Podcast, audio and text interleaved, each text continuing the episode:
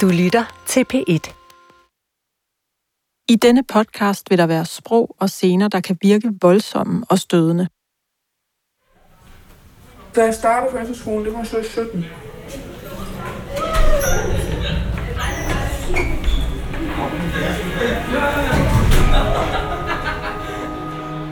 Det skulle bare blive mega fedt, og jeg følte nærmest, at jeg skulle flytte hjemmefra, fordi jeg skulle være væk fra mine forældre i et år.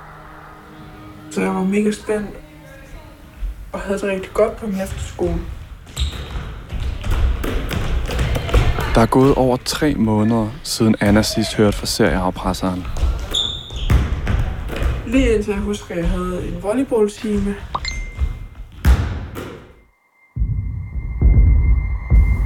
Hvor jeg kan se, at han skriver til mig. Og der tænker jeg bare...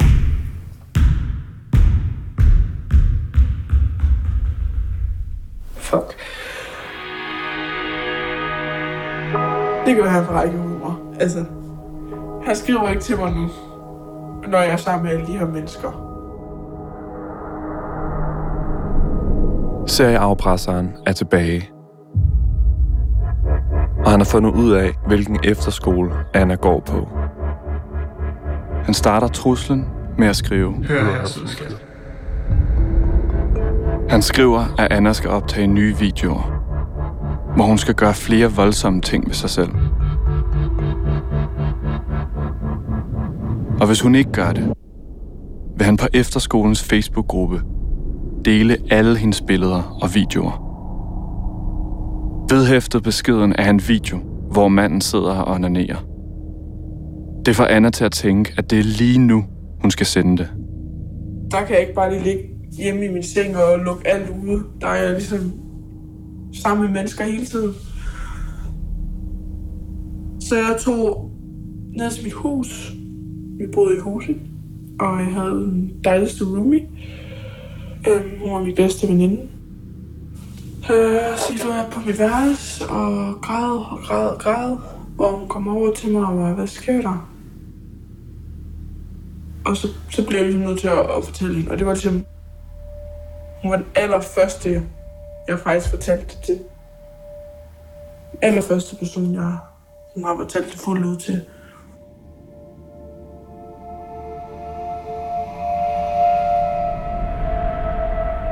For Anna er det en kæmpe befrielse at sige det højt. Hun har skulle skjule en stor del af sit liv for forældrene og alle sine veninder. Hendes veninde sætter sig på sengen og holder om hende. Og efter Anna er kommet til sig selv igen, kommer veninden med to gode råd. 1. Ignorer ham. Ellers kan det fortsætte resten af dit liv. Og 2. Og hun sagde faktisk til mig, at jeg synes, du skal ringe til dine forældre og sige det. Anna vil have serieafpresseren stoppet. Men hun er bange for at fortælle det. Både til sine forældre, men også til politiet. For hvad vil de tænke om alle de videoer og billeder, hun har sendt til manden?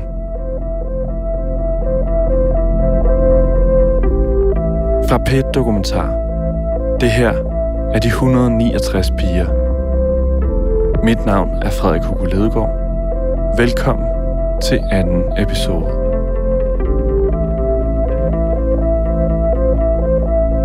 I den her podcast gengiver vi en række samtaler og scener, som er dokumenteret via screenshots, retsdokumenter, interviews og agtindsigter. Hvad var dine tanker om at skulle dele det med dine forældre? Jeg var skrækslagne. Jeg var meget bange for, hvad de ville tænke om mig. Hvad ville de sige til det? Altså... Jeg ringer først til min far, og jeg græder og græder og siger, far, jeg bliver afpresset af den her fyr her. Han har nogle billeder af mig. Min fars kommentar var så, at øh, jeg slår ham ihjel. Altså sådan i frustration, at han siger det. Altså han vil slå ham ihjel, der afpressede dig. Ja. Han bliver meget sur, og han falder også meget hurtigt sådan, til fornuft igen, og meget sådan, det skal vi have meldt til politiet. Det er ikke okay, det her.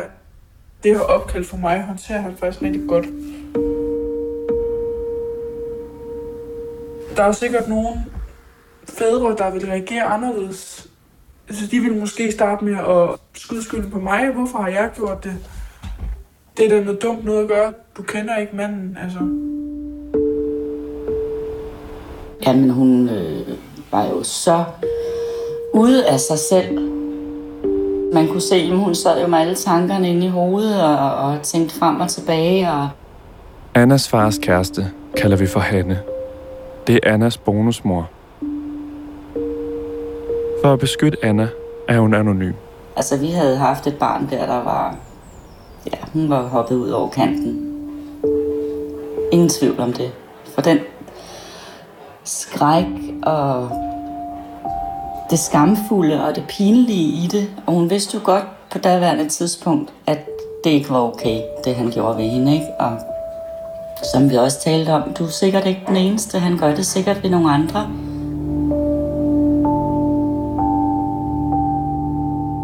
Da Anna er hjemme på weekend fra efterskolen, beslutter Anna og hendes bonusmor Hanne sig for at skrive en besked til serieafpresseren.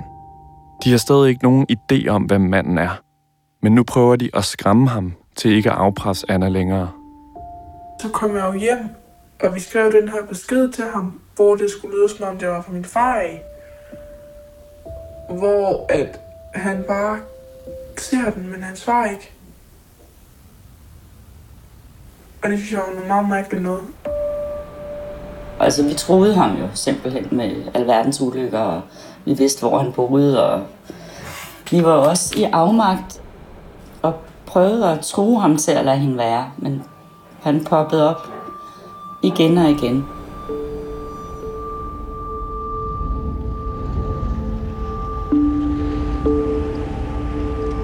Anna fyldes med angst, hver gang hun tænker på alle de billeder og videoer, hun har sendt. Bare tanken om, at noget af det skulle blive delt, er ubærlig for hende. Jeg skulle bare have meldt ham fra lige første gang, han afpresser mig. Der skulle jeg have meldt det, fordi så havde jeg måske ikke haft sendt de her videoer.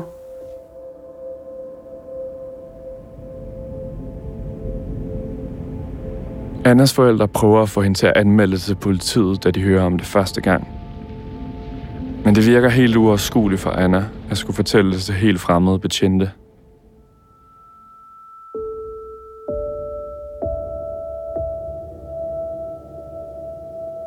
Hvorfor får du hende ikke til at anmelde før til politiet? Jeg kunne ikke trumfe det igennem på det tidspunkt.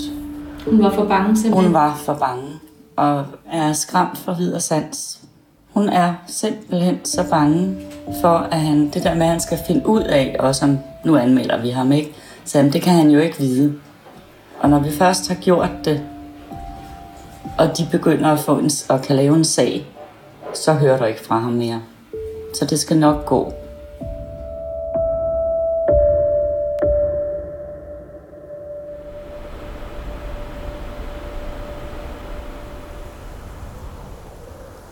2019 flytter Anna til en ny by, sammen med Hanne og hendes far.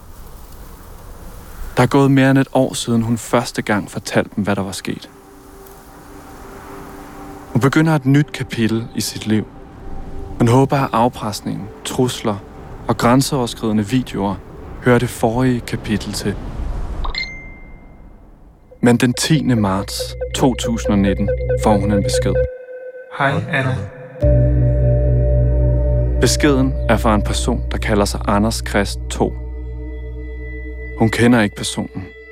Hun er bange for, at det ser afpresseren. Hun blokerer ham.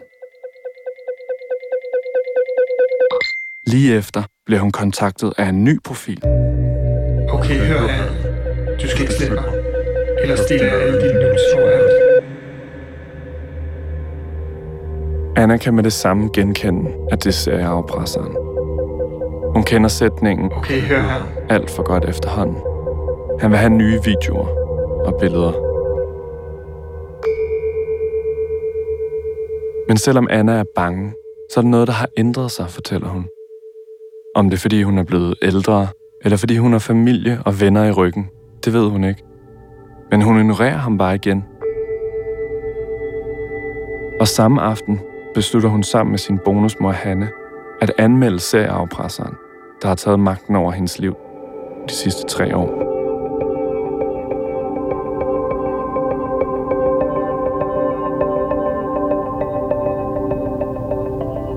Det var faktisk også min papmor, der hjalp mig med at, at skrive den her mail til politiet. Hvor jeg fortæller, jeg har den faktisk, jeg ved ikke, om jeg skal læse den op. Jeg skriver, jeg har nu igen fået trusler fra en fyr, som kontaktede mig for første gang for to og et halvt år siden, og bad mig om at sende billeder af mig selv, billeder af mig nøgen. Grunden til, at jeg gjorde det, var manglende selvtillid.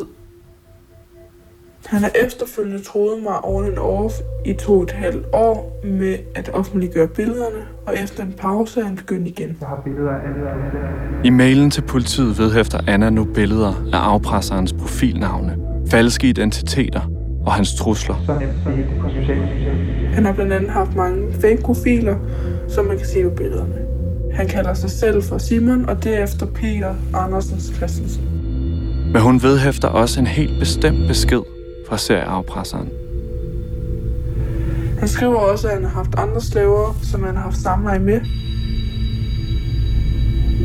Han sendte mig et billede af det, hvor han havde pisket hende med et bælte, og hun var helt rød. Så han skrev og tog mig med, at hvis jeg ikke skrev med ham eller ikke svarede ham, ville han lægge det ud på efterskolens Facebook hjemmeside, så alle kunne se det. De billeder, jeg sendte til ham, har jeg desværre slettet af skam og flovhed. Det var billeder fra top til tå, både af mig nøgen og billeder og videoer af min kønsdel. Jeg kan identificere ham, da han før i tiden har sendt billeder af hans ansigt og utallige billeder af hans pik. Hans sprog er typisk meget dominerende over for mig. Jeg vil sige, at han er magtlederlig og har en tendens til at blive hurtigt aggressiv. Det betyder rigtig meget for mig, hvis I tog den her sag til og satte jer ind i min side. Jeg har igennem de seneste par år gået frygteligt frygtet for, at han ville vende tilbage og tog mig igen.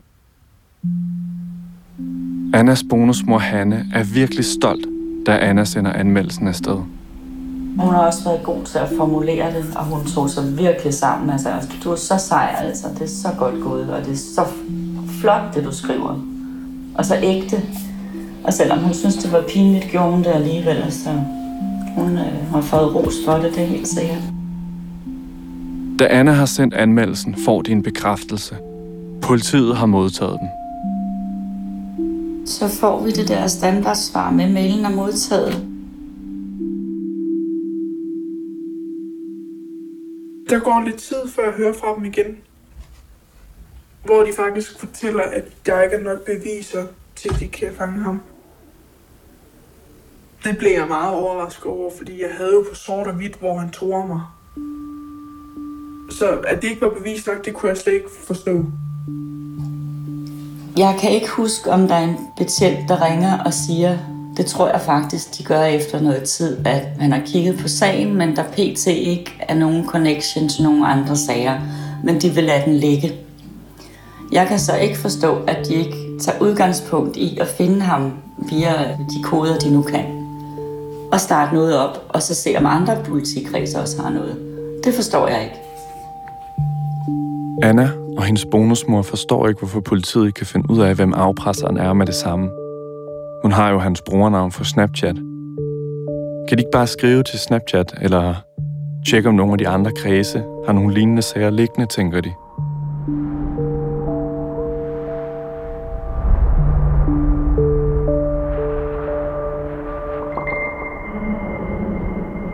Et år tidligere, i februar 2018, sidder Joachim på sit værelse på Sydfyn.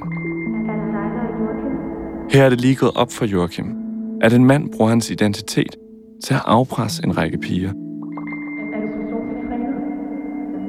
Det er en, der, der er ude på noget, ude på noget slemmere end det her. Joachim skriver om en af de piger, der først troede, at Joachim var særafpresseren. Samtalen med pigen skal få stor betydning. Både for pigen og for hvad Joachim nu vælger at gøre. Er du personlig træner? Og jeg så svarer nej, fake. Og hun svarer, Vent, hvad mener du? Er du ikke? Oh my god, er det ikke dig? og jeg så skriver nej, fake. Hvor jeg tilsender en masse billeder, hvor i mellemtiden hun skriver, Fuck. så spørger jeg hende, har du gjort noget dumt der, eller hvad? Skriver hun. Ja, oh my fucking god. Fucking dør lige nu. Skriver hun, Fuck, jeg er bange. Det forstår jeg godt, svarer så. Men hvor lang tid skriver I sammen? Vi skriver over en time sammen, hvor vi også ringer frem og tilbage til hinanden, hvor vi først snakker sammen, og så bliver vi enige om, at hun i hvert fald skal sige det til hendes mor, og måske også på at ringe til børnetelefonen i første omgang, som kan give den bedste rådgivning. Det er godt, at der er hun får fat på. Ja, det er heldigt. Ja, inden det går galt, som det er gjort for, for de andre. Præcis. Og her skriver hun, vi har sendt en politianmeldelse til det danske IT efterforskningscenter, eller noget i den dur. Skriver, når vi hører svar. Okay. Så det gør hun. Ja, Hun anmelder hun anmelder det i februar. i februar, I februar 2018. mm. hvor jeg skriver, vi går til politiet kl. 12. Har I lavet en anmeldelse? Spørger hun, hvor jeg skriver, vi ringer.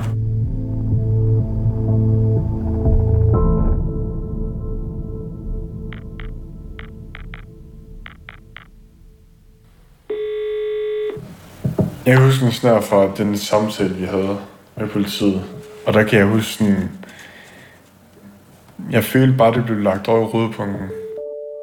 Jeg følte, at øh, vi bare skulle sende en mail, og så ville der nok blive kigge på det en gang i løbet af året på den tidspunkt. Det følte jeg. Jeg ved ikke, om det... Om jeg ikke skulle have haft den fornemmelse af det, men det, det havde jeg. Og det havde min mor også, at der ikke blev gjort så meget ved det. Og det er jo bare ærgerligt at tænke tilbage på nu. Når man faktisk havde nogle ret væsentlige og, og, og brugbare oplysninger.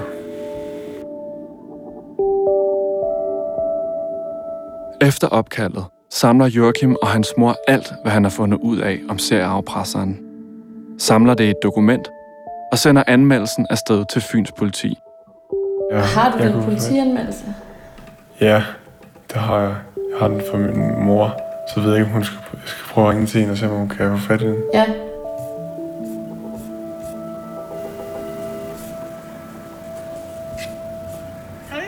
Hej. Mor, kunne det være, at du øhm, kunne prøve at finde den der anmeldelse, vi skrev dengang?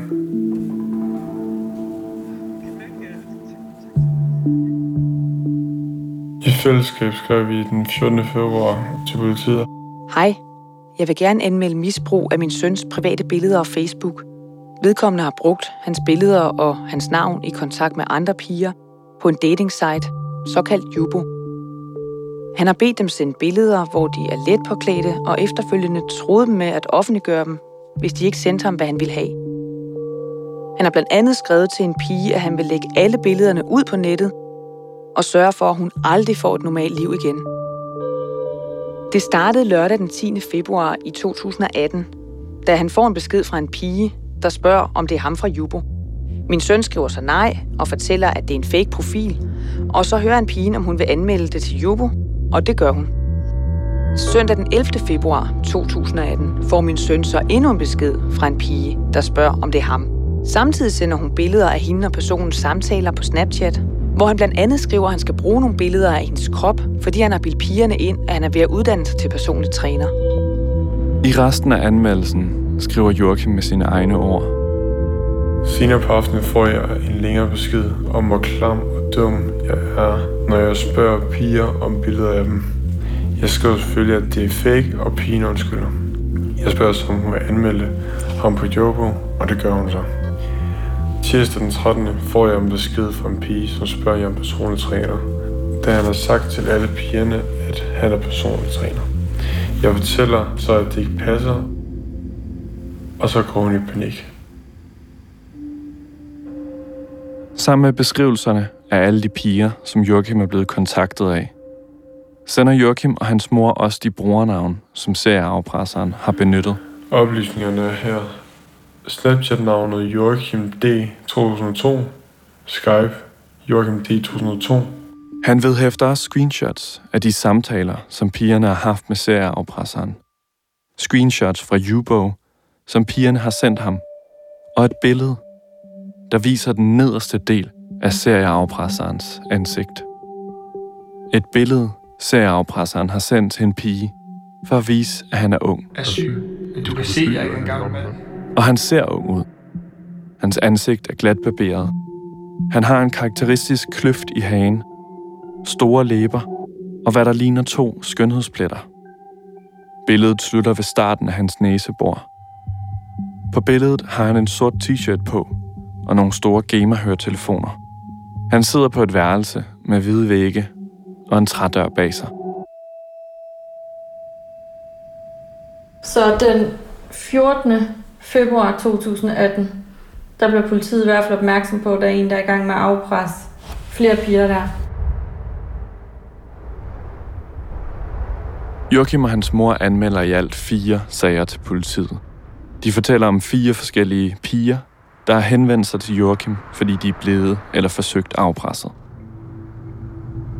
Men da de har sendt anmeldelsen, skal der gå mere end et år, inden de igen hører fra politiet. Efter at de har sendt deres anmeldelse, sidder Joachim med en frygt for, at der er langt flere ofre end de fire piger, der skrev til Joachim. Okay, hør her, så skal Jeg har billeder af alt, du har sendt. Jeg kan så nemt dele det på de sociale medier. Men det gør jeg ikke, hvis du går med på en aftale. Og han har ret.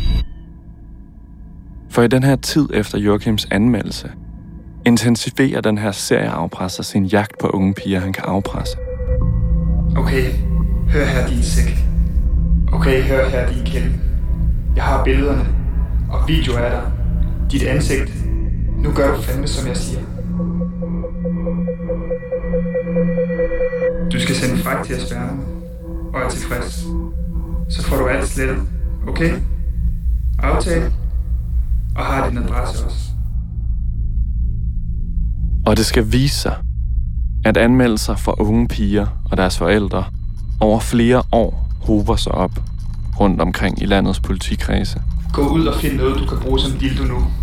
Du har præcis til 2012. Ellers er alt lagt ud. Men så sker der noget. I sensommeren 2019 får Anna en god nyhed.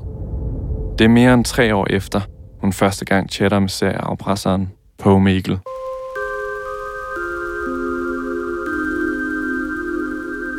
Så lige pludselig så kontakter politiet dig igen. Og hvad siger de så til dig der? Ja, der, der fik jeg en mail på, at de havde fanget ham. Fundet hans navn og hvor han bor og sådan ting. Og Politiet har anholdt en mand i sagen. Det sker mere end et år efter Joachims anmeldelse. Hvad tænkte du der? Altså da, de, da du fik at vide, at du havde det ham? jeg tror ikke det rigtigt, det var gået op for mig der. Lige indtil jeg får den her brev om, at jeg skal i retten. Manden er blevet tiltalt og skal for retten. Derfor tager Maiken hjem til Joachim for at fortælle ham, hvad anklagemyndigheden mener, at manden har gjort. Hvor stort omfanget af afpresningen ser ud til at have været, og hvor mange piger, der er blevet afpresset i Joachims navn. Men vil du se, øh, hvilket omfang han har brugt dit navn? Ja.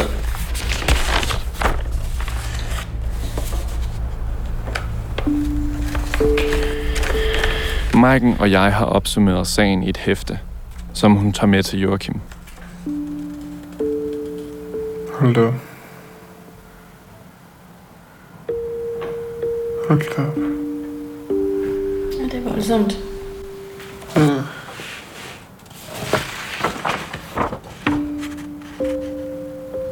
Tiltalte forsøgte at tvinge til at have andet seksuelt forhold end samleje med en hund, i det han skrev, at hun skulle sutte pik på sin hund. Vi kan se i anklageskriftet, at i alt ni piger er blevet afpresset eller forsøgt afpresset i Joachims navn. Den yngste var kun 11 år. Jeg forstår simpelthen ikke. Du forstår det ikke? Ja, jeg forstår godt. Jeg, jeg, jeg ikke sætte mig ind i det. Ved tiden fra den 12. februar 2018 til den 13. februar 2018 kl. 15 fra ukendt sted via Snapchat under falsk navn Joachim med trussel om at åbenbare privatlivet tilhørende forhold, at have tvunget til at indføre tusch i anus og sutte på tuschen, samt sende billeder og video heraf til tiltalte med henblik på at tilfredsstille ham seksuelt. Hvordan er det at læse det? Det er ubehageligt at læse, fordi hvad jeg husker, så er jeg først blevet kontaktet efter. Så det betyder, at der er en, der er en masse, der går rundt og troede, det var mig på det tidspunkt. Ja.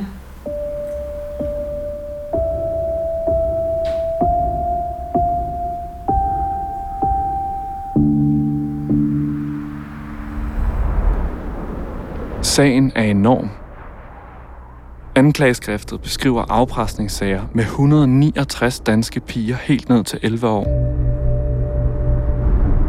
Hverken Anna eller Joachim havde i deres værste mareridt kunne forestille sig, hvor mange piger og unge kvinder den her mand har afpresset eller forsøgt at afpresse. Er det voldsommere end det, du havde vidst? Det Det er meget.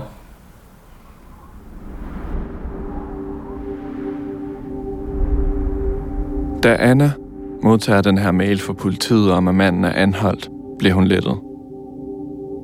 Hun bliver bedt om at møde op til en afhøring på politistationen.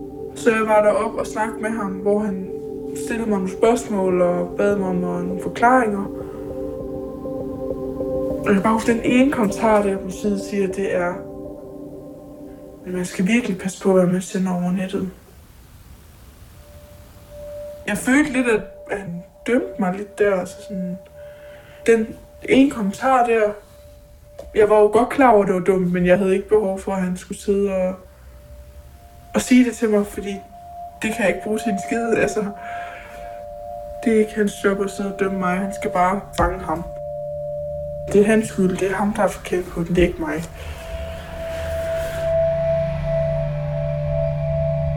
Der er også noget andet ved Annas afhøring, der undrer hende.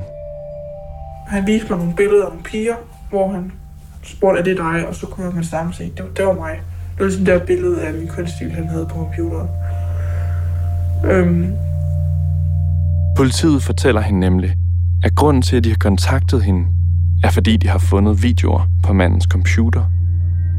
Hun får det indtryk, at det intet har at gøre med den anmeldelse, hun et halvt år forinden sendte til Fyns politi. Derfor er både Anna og Joachim interesseret i at vide, hvordan den her mand kunne afpresse og forsøge at afpresse 169 piger ned til 11 år i mere end tre år, uden at blive stoppet. Kunne man være blevet stoppet tidligere? Mens politiet bygger sagen op efter anholdelsen i april 2019, er serieafpresseren varetægtsfængslet. Han bliver tiltalt, og retssagen skal begynde i efteråret 2020. Det er den største danske sag om afpresning af piger nogensinde. Og ifølge eksperter, Danmarks første hurtcore-sag. Hej Frederik. Nå, nu er der lige pause her i retten. Men vi er også på jagt efter svar. Svar på, hvor mange gange politiet blev advaret om serieafpresseren. Og svar på, hvordan der blev reageret på Joachim og Anders anmeldelser.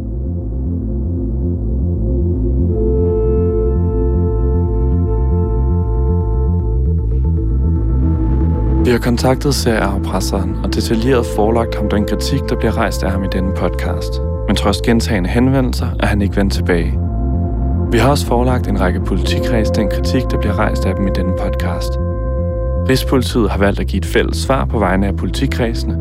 Rigspolitiet afviser at svare på kritik af enkelte kredses indsats.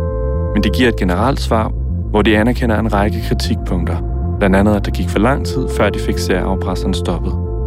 Og de beklager de konsekvenser, det har haft for sagens mange ofre.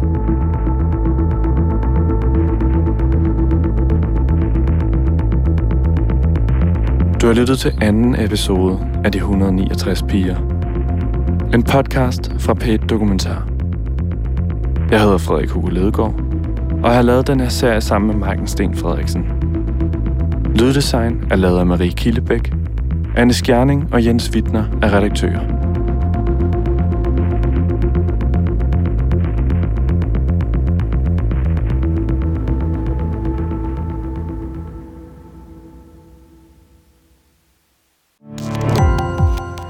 Gå på opdagelse i alle DR's podcast og radioprogrammer. I appen DR Lyd.